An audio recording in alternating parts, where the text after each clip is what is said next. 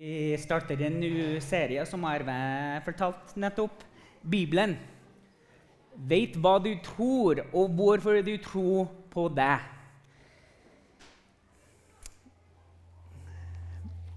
Bibelen er kilden til så mange utrustende ting i livet vårt.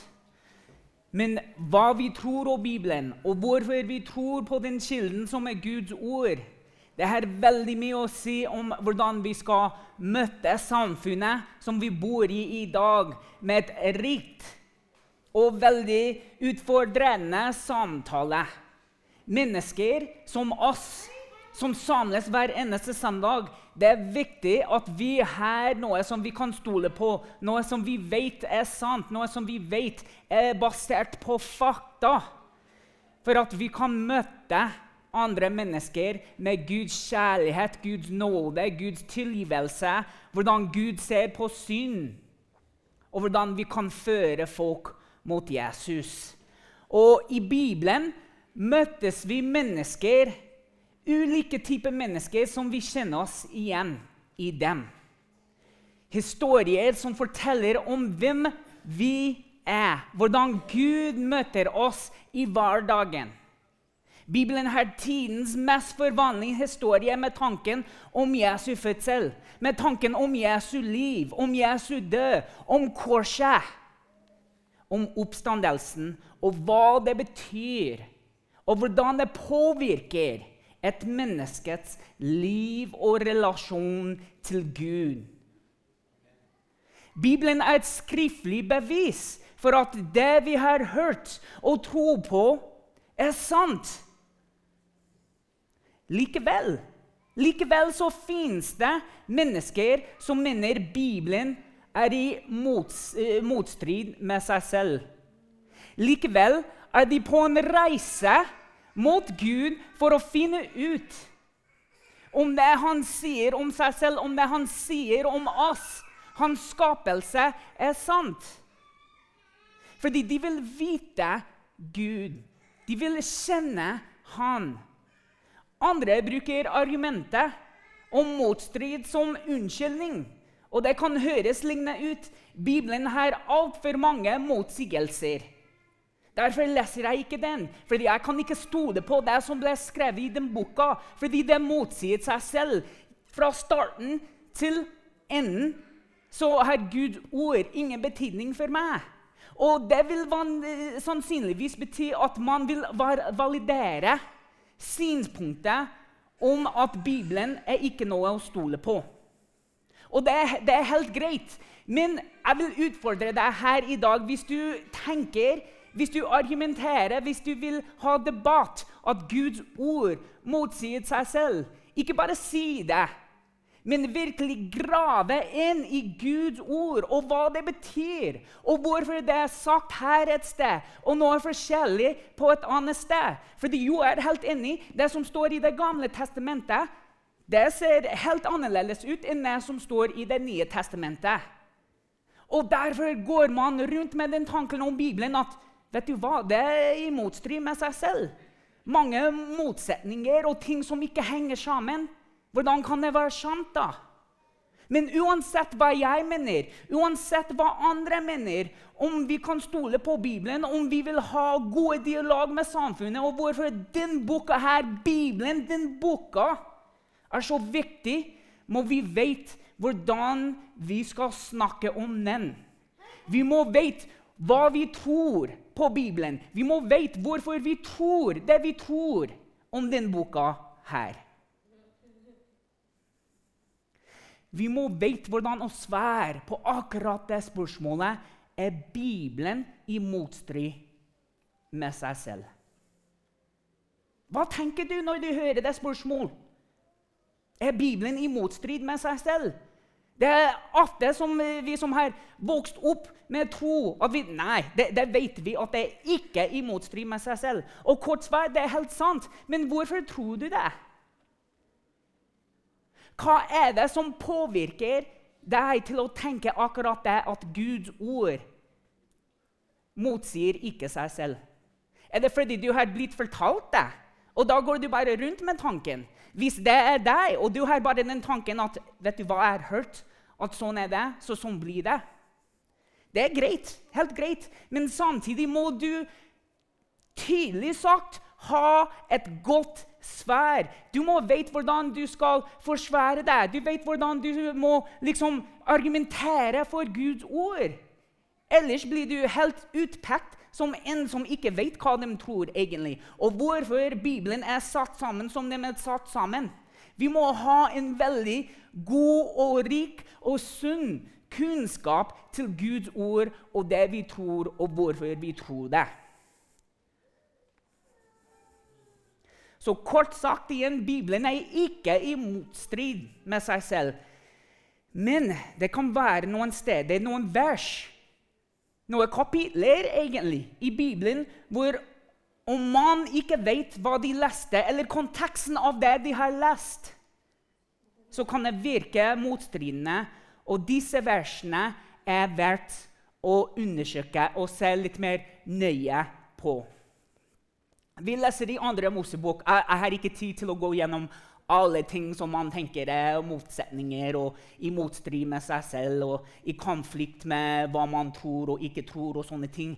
Men her er noen eksempler om hva folk tenker som kanskje ikke har et forhold til Gud, som har ikke relasjon til Jesus, som ikke er fylt med Den hellige ånd, som ikke stoler på Guds ord. De har også bare hørt at Bibelen er i motstrid med med seg selv. så, Da skal de ikke lese den. Men når vi som kristne, vi som tror på Jesus, får spørsmålet er Bibelen i motstrid. Men hva med det her? Her er et veldig godt eksempel. 2. Mosebok 20, vers 8.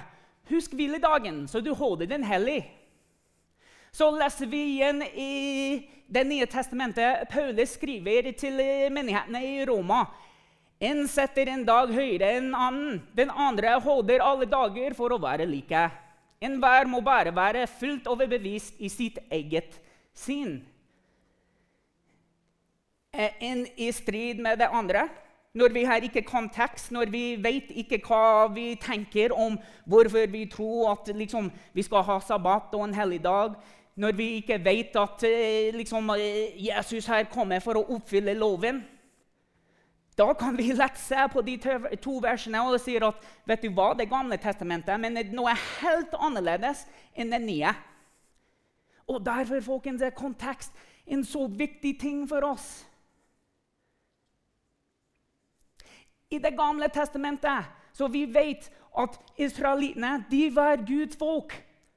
Han har kalt dem til seg selv. Og når vi leser det her, så vet vi at for å skille seg ut må de ha en hellig dag. Må alle andre mennesker se på israelittene og se at de er helt annerledes. De gjør ting annerledes, de snakker annerledes, de lever annerledes. Og her er en dag, en hellig dag, hvor de tilbyr Gud, hvor de kommer til Han, hvor de setter alle fokus på Han. Høres det lignende ut til noe vi gjør i dag? Men samtidig, når Paulus skriver det her, så har Jesus kommet. Han har ofret sitt liv. Det her kommer en ny skapning, en ny relasjon, en ny pakt til Gud. Fordi hva var det som loven gjorde? Det bare bekrefter for mennesker vår syndige natur. Det fortalte oss at vi kunne ikke leve opp til Guds standard. Da må vi følge etter en ny standard, som er Jesus, hvor vi kommer til Jesus. Og vi kan ikke tenke at fordi du holder sabbaten eller den hellige dagen, du, fordi du setter din dag høyere enn andre dag, at du er mer viktigere enn de som ikke gjør det. Fordi de følger etter Jesus nå. De har et nytt synspunkt. De har et nytt syn på hvem Gud er, og hva er hellig, og hva det betyr for mennesker å være hellig.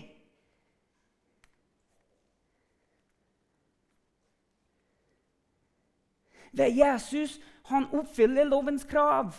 Krevde ikke lenger at vi skulle oppfylle dem for å oppnå rettferdighet. Vår rettferdighet kommer nå ved tro, og ikke ved å fylle loven.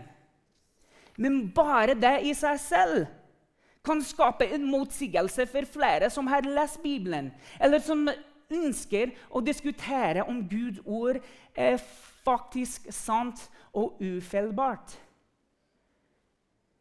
Fordi når vi leser igjen i Romerne 3, så skriver Paulus Derfor holder vi fast på at det ved tro mennesket blir rettferdiggjort uten lovgjerninger. Men han leser vi Jakob. Dere ser da at et menneske blir rettferdiggjort av gjerninger, ikke bare tro. De motsier hverandre. Paulus sier vi blir rettferdiggjort ved tro, ikke noe lovgjerninger. Jakob sier nei, nei, nei, nei, vent her. Vi blir rettferdiggjort ved våre gjerninger og ikke bare av tro. Så hva er riktig her? Hvordan skal vi liksom argumentere for at Bibelen ikke motsier seg og ikke i motstrid med seg selv, når vi leser to setninger, to vers, som er helt motsatt av hverandre? Igjen må vi ha kontekst, folkens. Vi kan ikke bare lese det der og si at ja, vet du hva, det er faktisk eh, to motsetninger. Og du har rett, Bibelen er i motstrid med, med seg selv.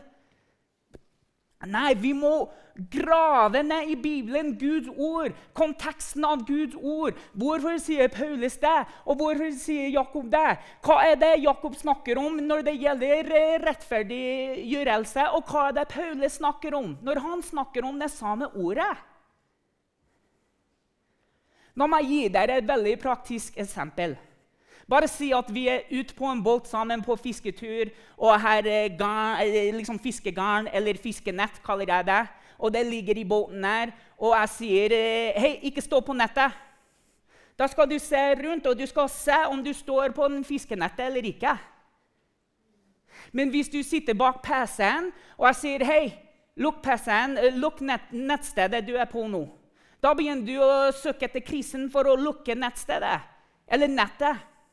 Samme ord, nettet, men to forskjellige betydninger. Konteksten har alt å si om det, ikke sant?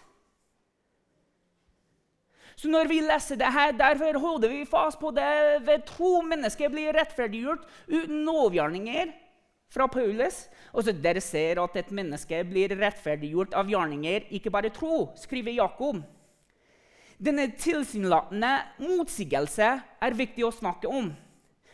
For det er det kanskje faktisk at de ikke er i konflikt med hverandre i det hele tatt. Jeg mener det. De er ikke i konflikt med hverandre. Og nøkkelen er å forstå at selv om Paulus og Jakob begge snakker om eh, rettferdiggjørelse, snakker de om to forskjellige typer. Som kristne, eller kanskje motstandere av eh, kristen tro, kan vi ikke bare plukke ut Guds ord fra Bibelen og bruke det for å tilpasse våre meninger.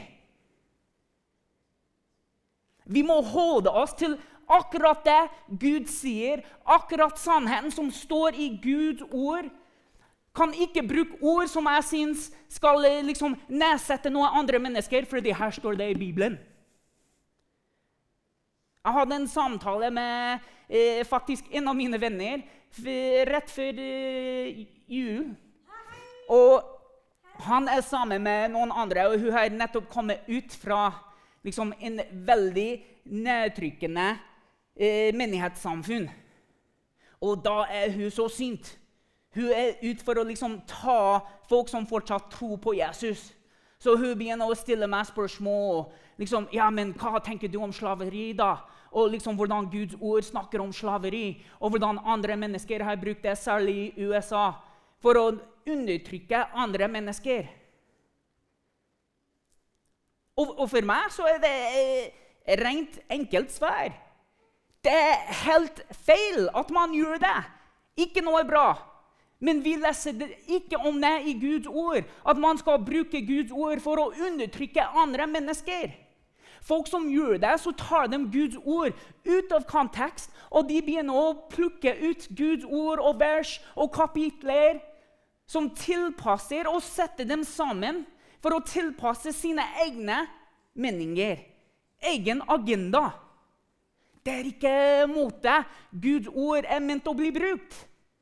Vi må forholde oss til sannheten som står her. Vi kan ikke gå bort fra den kilden som gir liv og fokus på hvem Jesus er, og hvordan han kaller oss ut til å leve livet vårt. Så hva er rettferdiggjørelse? Hva er det?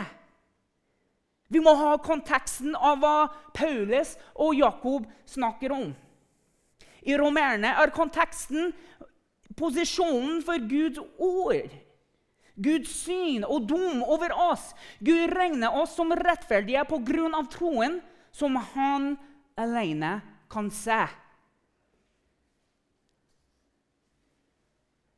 Gud vet den troen jeg har på Hans ord, på Jesus på korsfestelsen, på oppstandelsen. Han vet hvor forpliktet jeg er til han, og det kaller han her på meg. Det er det som rettferdiggjør meg i Guds øyne. Troen min på Jesus. I den forstand rettferdiggjørelse blir gjort ikke ved gjerninger, men først og fremst ved tro. Det vil konkludere med at vi er rettferdige på grunn av de, den troen vi har. Mens i Jakob så sier han at det er ikke bare ved tro. Nå må vi begynne å sette ting sammen på den måten. Det er ikke bare ved troen Paulus snakker om at vi blir frelst. Vi er jo frelst ved den troen på Jesus, men troen blir bekreftet ved våre gjerninger. Og det har jeg vært litt inne på forrige søndag. Gjerninger fyller alltid med den troen vi har på Jesus. Det er det som stadfester det i livet vårt. Jeg er ikke interessert om folk dukker opp i kirka hver eneste søndag. Det er greit å ha liksom, stor publikum. Og at vi ser å, her er det mange i kirka. Men hva er det livet de andre seks dager i ukene?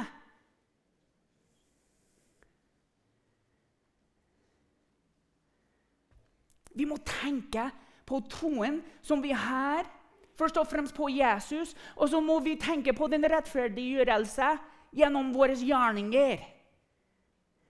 Konteksten har alt å si om Guds ord og hvordan man tenker å, her er det motstridende. Nei. Her handler det bare om fakta og sannhet, og hvordan vi skal forholde oss til de fakta og sannheten Gud har skrevet inn i Bibelen. Er vi villige til å grave litt dypere? for å se hvorfor det står sånn i et skriftsted, og hvorfor det ser litt annerledes ut i et annet skriftsted? Eller skal vi bare glemme alt det der og så bare gå videre med dagen? Jeg håper at du følger med tankeprosessen her, som du kan se hvis du noen ganger blir presentert for det som ser ut til å være en selvmotsigelse, krever det en mye nærmere undersøkelse av teksten for å gi fullstendig forståelse og et godt svar på Guds ord. Bibelen er så viktig, folkens. Viktigere enn noen andre bok vi kan lese i livet vårt. Så hva gjør du om noen forteller deg at det er motsetninger i Bibelen? Skal du bare tenke Eller til og med si Kanskje. Kanskje det ser sånn ut. Kanskje det er noen motsigelser, motsetninger. Kanskje Bibelen er i motstrid med seg selv. Det vet jeg ikke noe om. Det kan være veldig vanlig typisk svar for å unngå liksom, konfrontasjon eller litt konflikt i sammenhengen du møter den samtalen. Vet du hva? Jesus var i konflikt og konfrontasjon med folk hele tida. Sånn er det bare.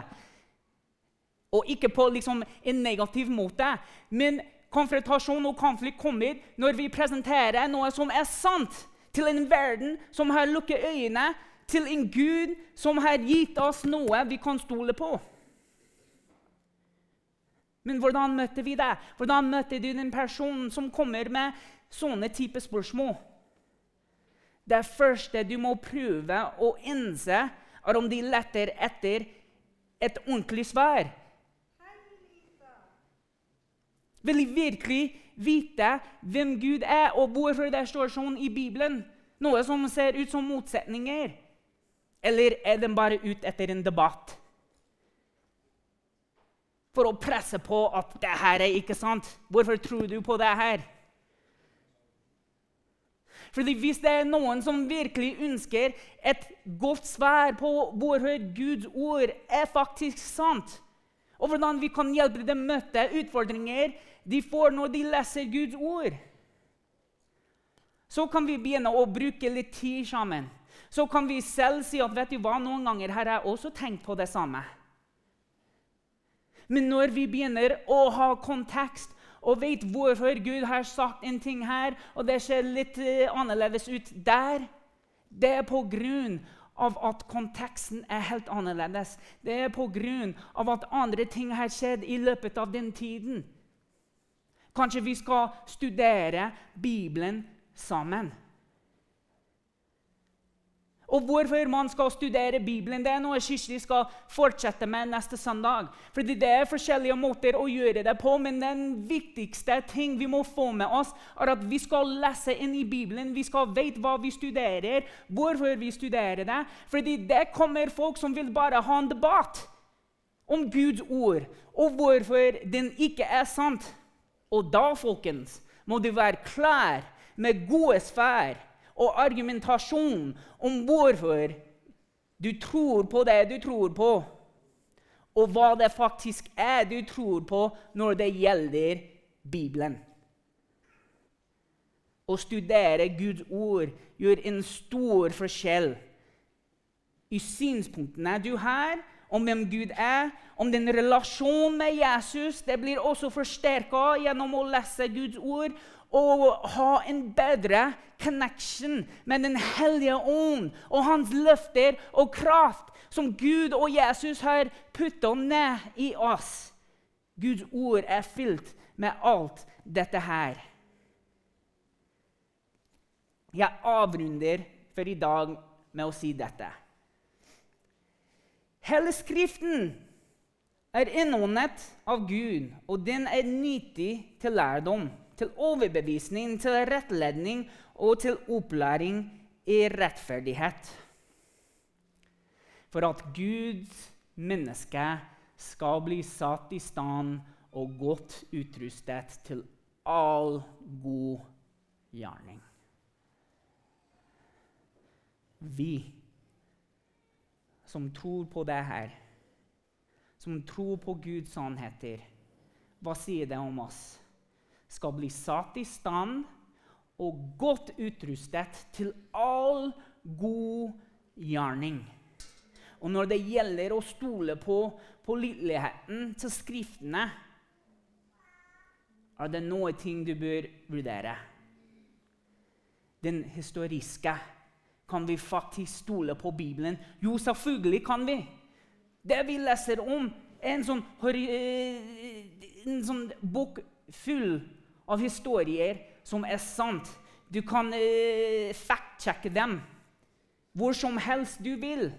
Alle kongene, alle stedene, alle andre mennesker som er i Bibelen. Det fins faktisk de menneskene.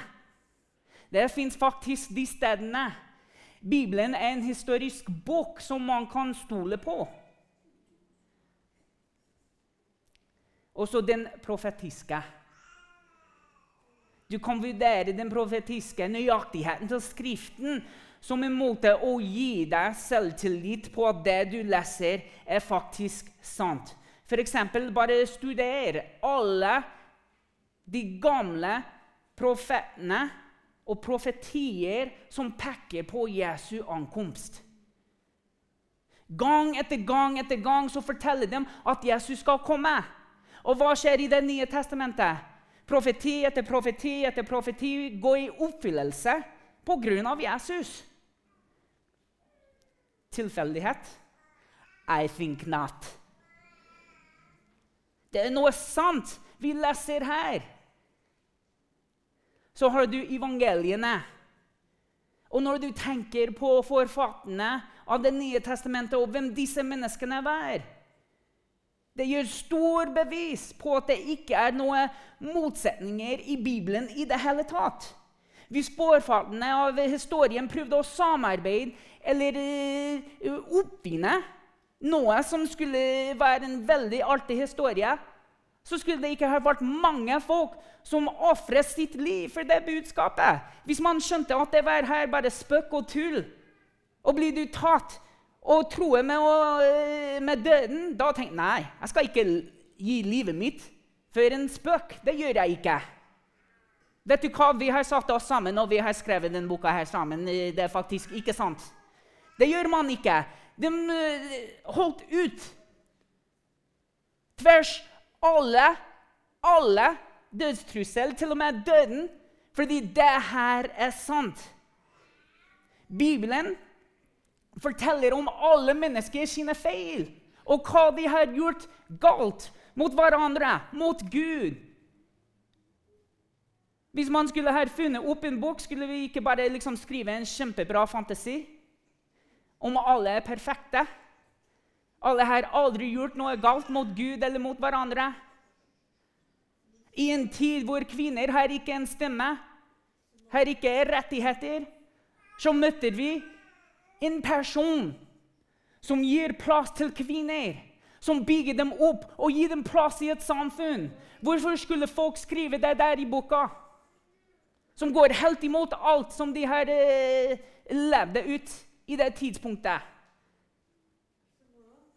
Folk som var i liksom, motstand til det.